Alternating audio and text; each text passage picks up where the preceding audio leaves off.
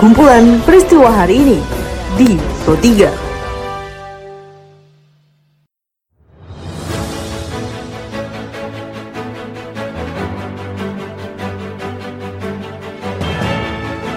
Halo pendengar, saat ini Anda sedang mendengarkan kumpulan peristiwa Pro 3.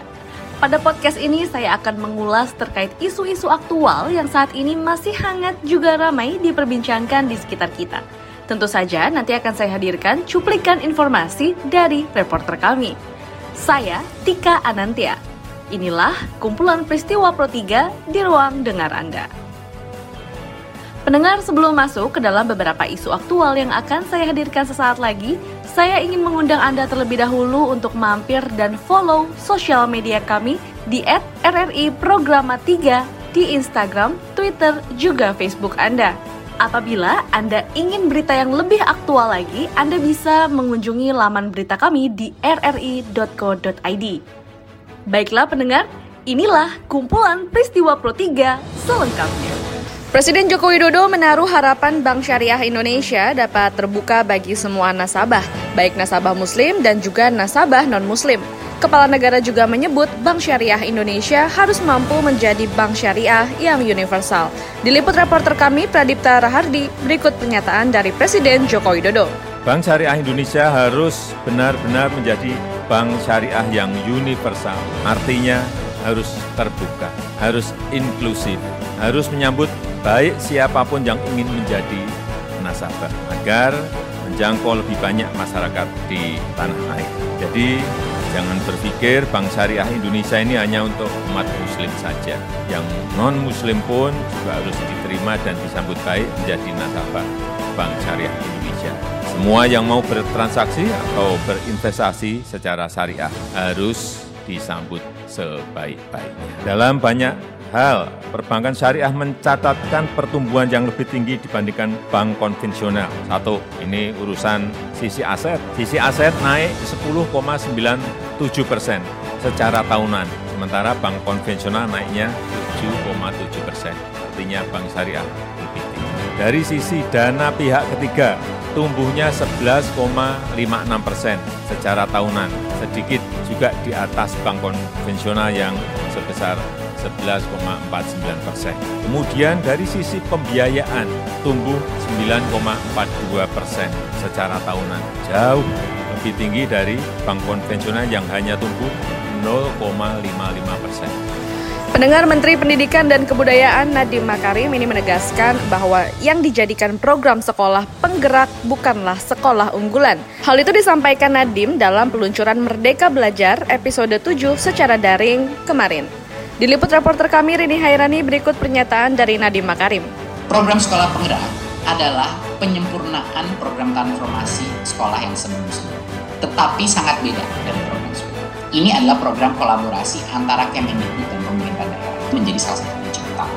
Kedua, ini adalah satu program paket yang holistik mulai dari SDM, proses pembelajaran, perencanaan belajar, penggunaan teknologi, dan juga pendampingan pemerintah daerah.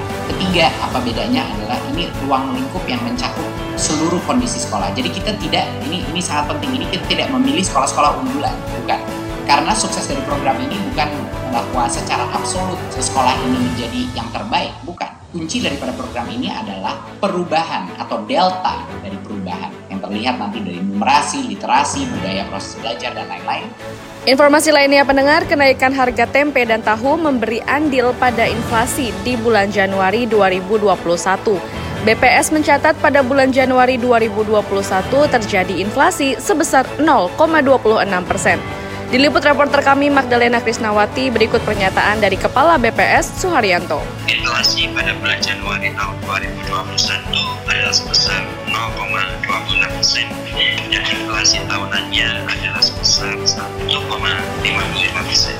Menurut kelompok pengeluaran, penyebab utama inflasi Januari 2021 ini adalah kenaikan harga cabai rawit, ikan segar, tempe, tahu, dan tarif jalan tol sementara penghambat inflasinya kalau ada penurunan harga ada turunnya tarif angkutan udara harga telur ayam pas dan bawang merah sementara menurut komponen inflasi Januari 2021 yang sebesar 0,26 persen ini terjadi terutama didorong oleh volatile price atau harga-harga yang bergejolak. Jadi kalau kita lihat di sini dari sisi supply supply terjaga, tetapi permintaan masih lemah.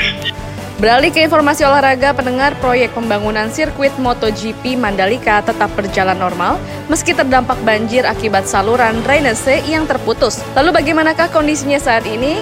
Berikut pernyataan dari Kepala Balai Wilayah Sungai Nusa Tenggara I, Hendra Ahyadi, diliput reporter kami Maya Oktarifa dari Lombok Tengah kemarin itu yang jadi masalah sekarang adalah posisi saluran kita itu terputus. Nah ada satu ada satu lahan yang kita sudah minta ke ITDC untuk dieksekusi itu sampai terakhir kami tunggu sampai Desember itu nggak bisa dilaksanakan. So, jadi yang yang paling indikasi paling itu kita lihat kan semua semua air itu kan nanti kan bermuaranya ke lagun. Nah, lagunnya kering posisinya, tapi daerah-daerah yang seperti ada kantor-kantor atau rumah-rumah yang di pinggir eh, jalan itu itu tergenang sama banjir jadi air memang ya kalau tidak ada saluran itu itulah nanti akan kejadiannya selalu seperti itu informasi tadi sekaligus mengakhiri perjumpaan kita pada podcast edisi hari ini.